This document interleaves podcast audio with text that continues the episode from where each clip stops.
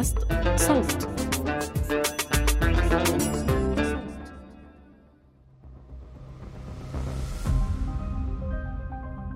هاي السما السوداء الواسعة اللي فوقنا.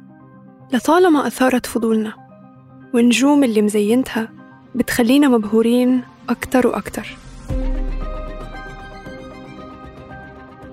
مع الوقت كان لازم نلاقي طريقة لنتعرف عليها نفهمها ونسميها.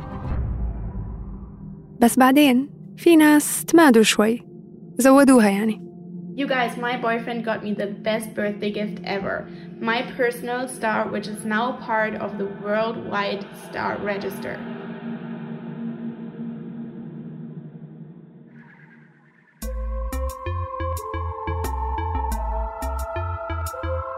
إذا منطلع على الصورة الكبيرة ومننسى ولو لحظيا الكوارث الطبيعية والحروب منلاقي إنه عالمنا منظم كتير ومتوقع إلى حد كبير. الأرض بتدور بشكل منتظم الأطفال بينولدوا وهم عم يبكوا والإنسان لابد إنه يكبر مع مرور الزمن. بس بهذا البودكاست ندعوكم تنضموا إلنا لنكتشف عوالم جديدة ونغرق مع بعض بإيقاعات بتختلف عن يلي تعودنا عليها. عوالم مجددة وبديلة عوالم متداخلة. عالم جوا عالم جوا عالم تماما مثل اللعبة الروسية ماتريوشكا. أنا تالا العيسى وبهالموسم رح أنطلق معكم برحلة نحو الفضاء.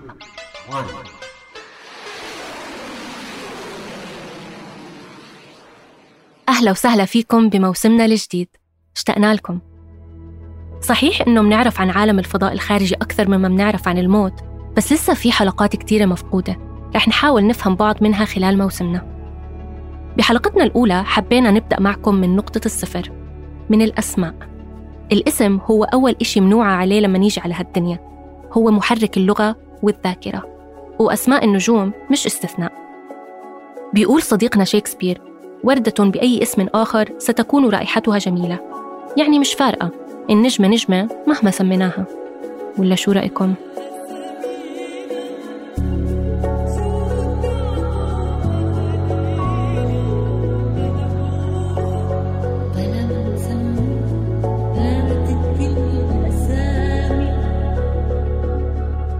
رح أترككم مع جنى في محاولة للإجابة على السؤال.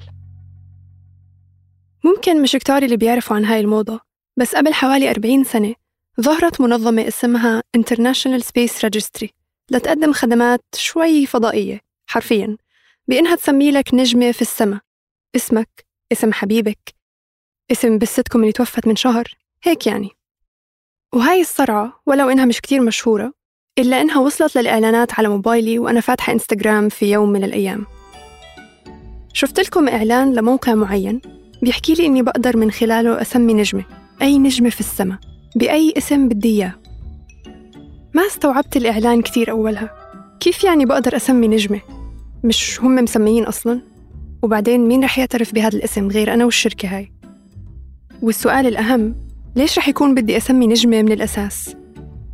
واللي يمكن تكون غريزة بشرية مثلا بس أنا لسه ما اكتشفتها عندي. فقلت بسأل أصحابي عن الموضوع.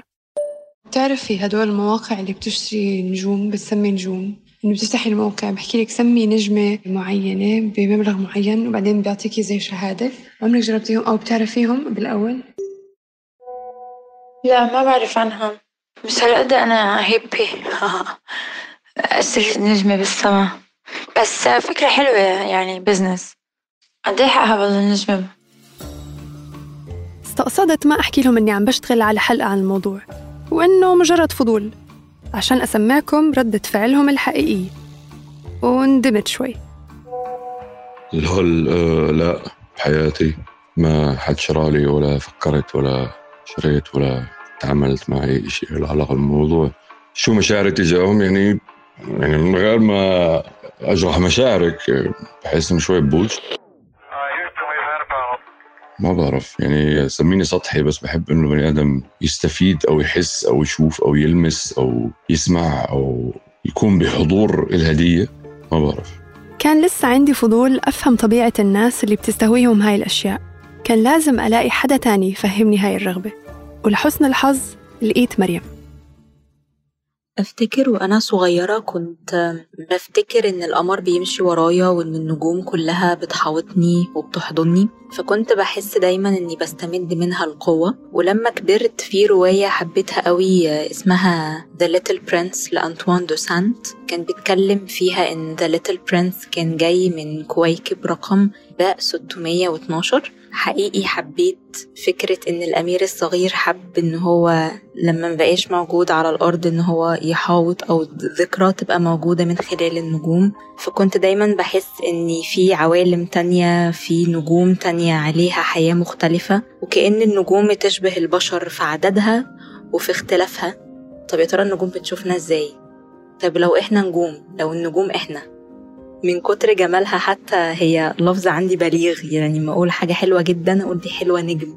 بحسهم صحابي. حتى صحابي هنا بسميهم بأسامي النجوم لما بتفرج عليها من التلسكوب. فإن يكون ليا نجمة باسمي أو باسم حد بحبه هحس إني أنا كمان النجمة دي.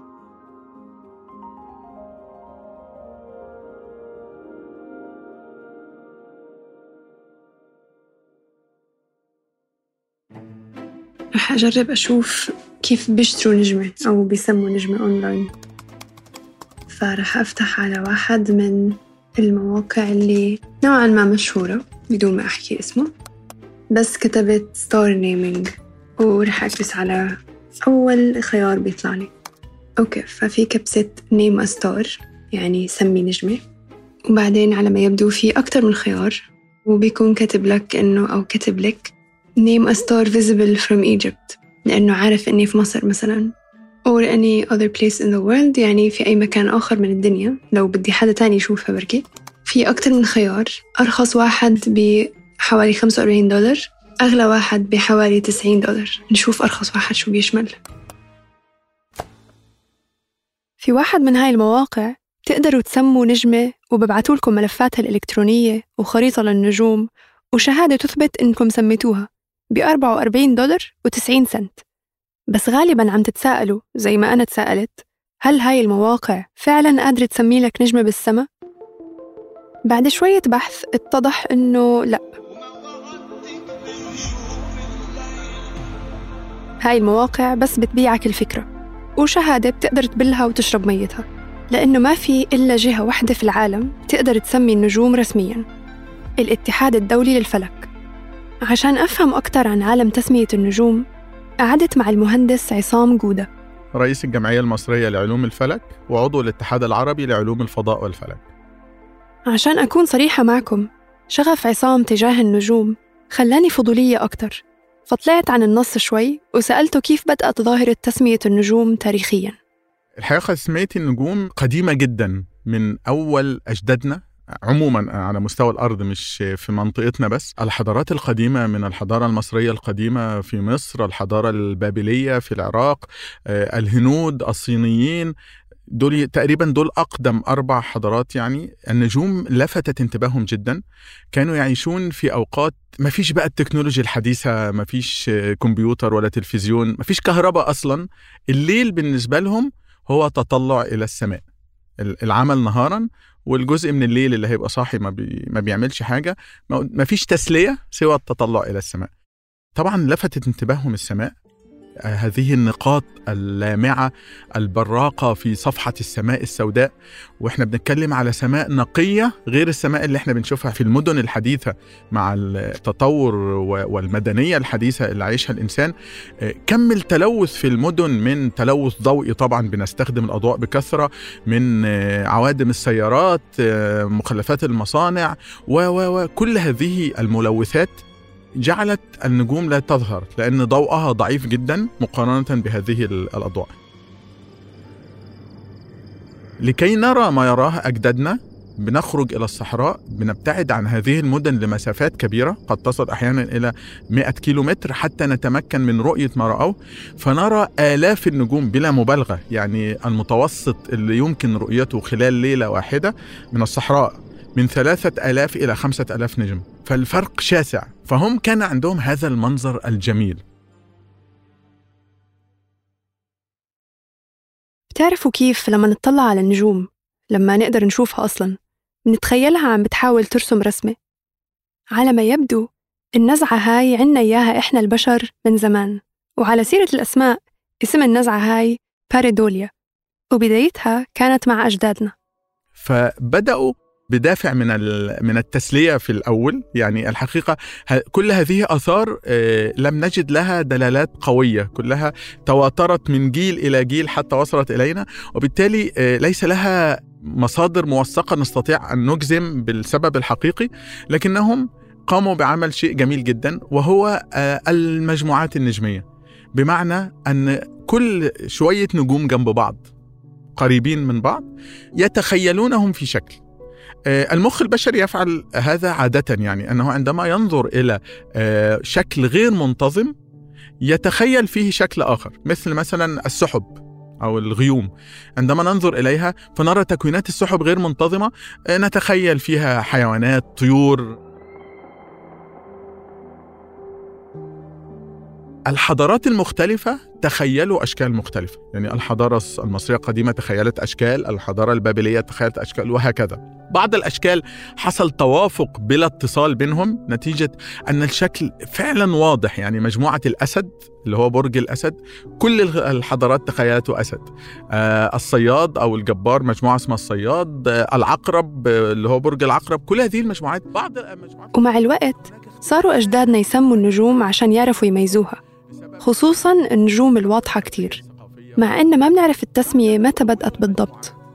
بلا بداية محددة لا نستطيع أن نجزم من أي عهد بدأت هذا ولكن عندما بدأ التاريخ البشري يكتب وبدأ يكون هناك آثار مكتوبة مثل الآثار السومرية مثلا أو المسمارية في البلاد الرافدين وجدنا هذه التسميات التي طبعا تعاقبت على مدى أجيال هي تنقل فقط آه، شفاهة من جيل لجيل ثم بدأت تنقش على بعض جدران المعابد مثل مثلا آه، في مصر سقف معبد دندرة بها آه، خريطة للنجوم السماء بأسماء المجموعات النجمية يقدر عمرها تقريبا بحوالي أربعة ألاف عام من الآن.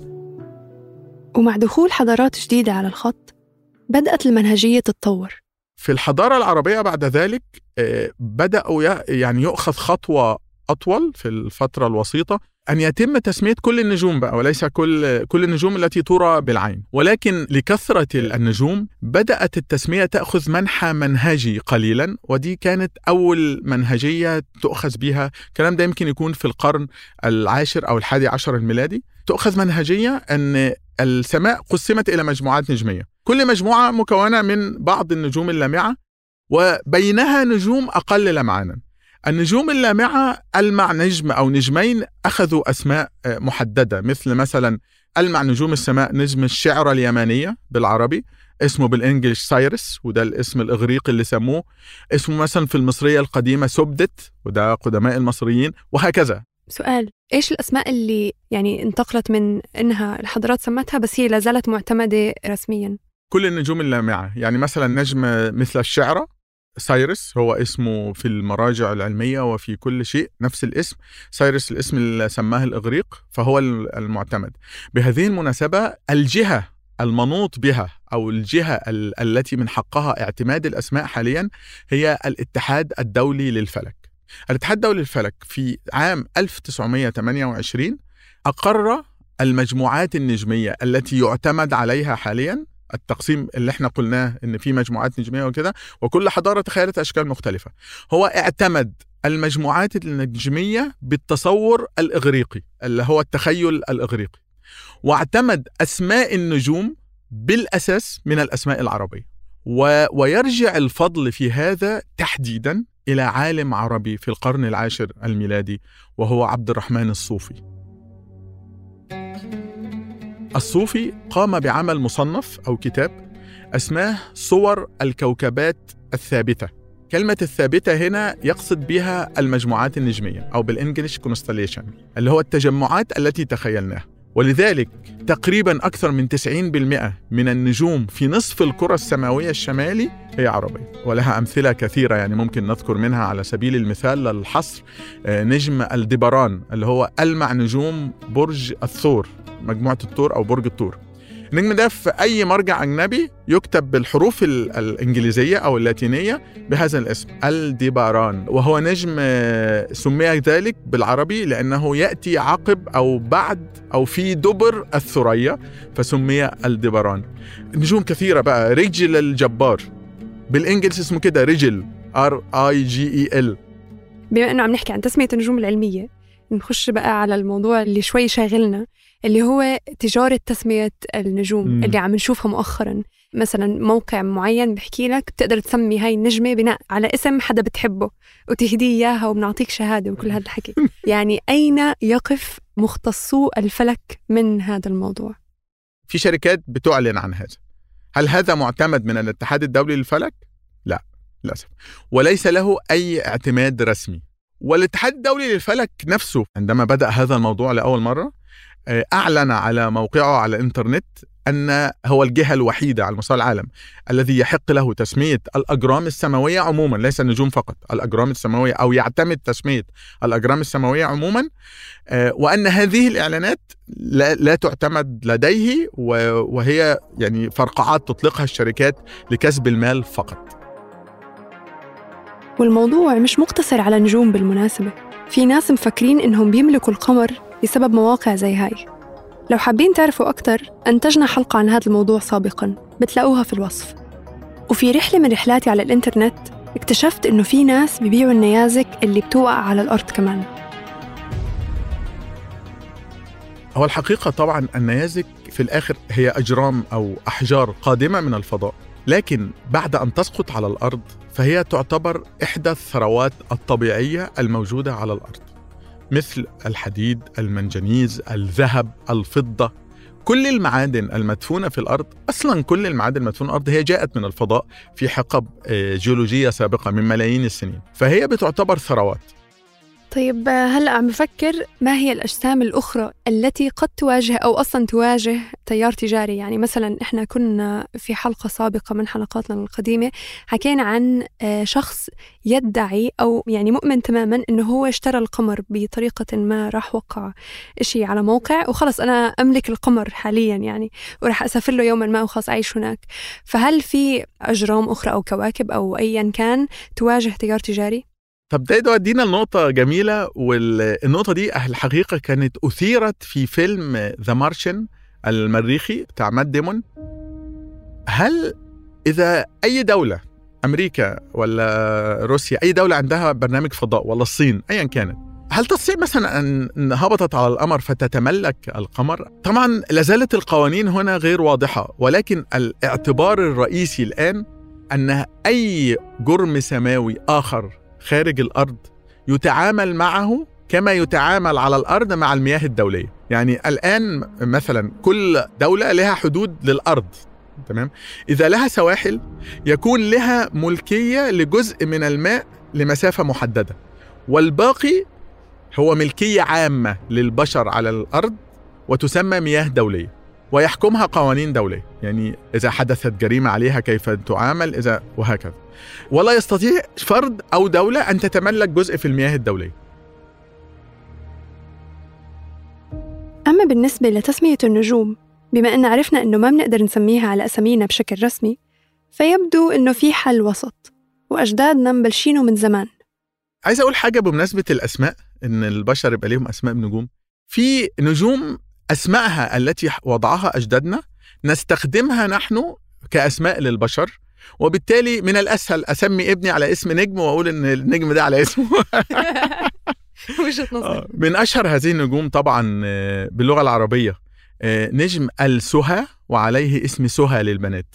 وكثير من البنات لا يعلمون إن اسمهم على اسم نجم. هذا النجم نجم خافت جدا بجوار نجم لامع في مجموعة الدب الأكبر. آه، أو آه، اسمها العربي بنات نعش الكبرى لأن تخيل العرب كان مختلف عن تخيل الإغريق. نجم خافت جدا بجوار نجم لامع لدرجة أن هناك مثل عربي كان يطلق على هذه النجمة. عندما يتحدث إنسان عن آه، أمر مثلا بالتعريض أو بالكناية ومن أمامه لا يفهمه لا يفهم هذا التعريض. فيقال في المثل أريها السهى وتريني القمر. لأن سوها نجم خافت لا يبدو بسهولة لا يرى من داخل المدن لازم لازم من الصحراء. وفي طبعا نجم سهيل وعليه اسم سهيل للذكور وسهيلة للإناث. ده يمكن تاني أو ثالث ألمع نجم في السماء نجم لامع جدا.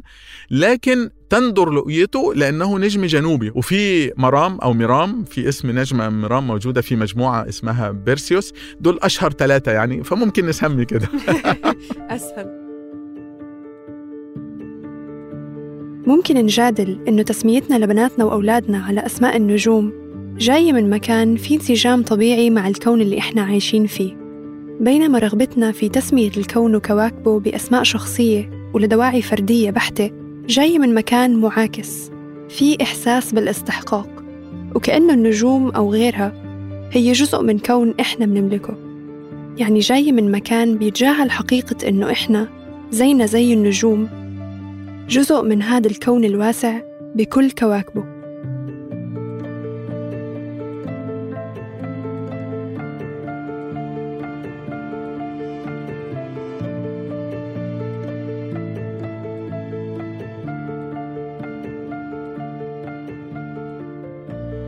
كنا معكم في هاي الحلقة من بودكاست ماتريوشكا من التحرير تالا العيسى ومن الهندسة الصوتية نور الدين باللحسن وكنت معكم من الإعداد والإنتاج جنى قزاز.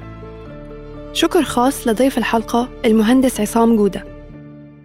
بودكاست ماتريوشكا من إنتاج صوت.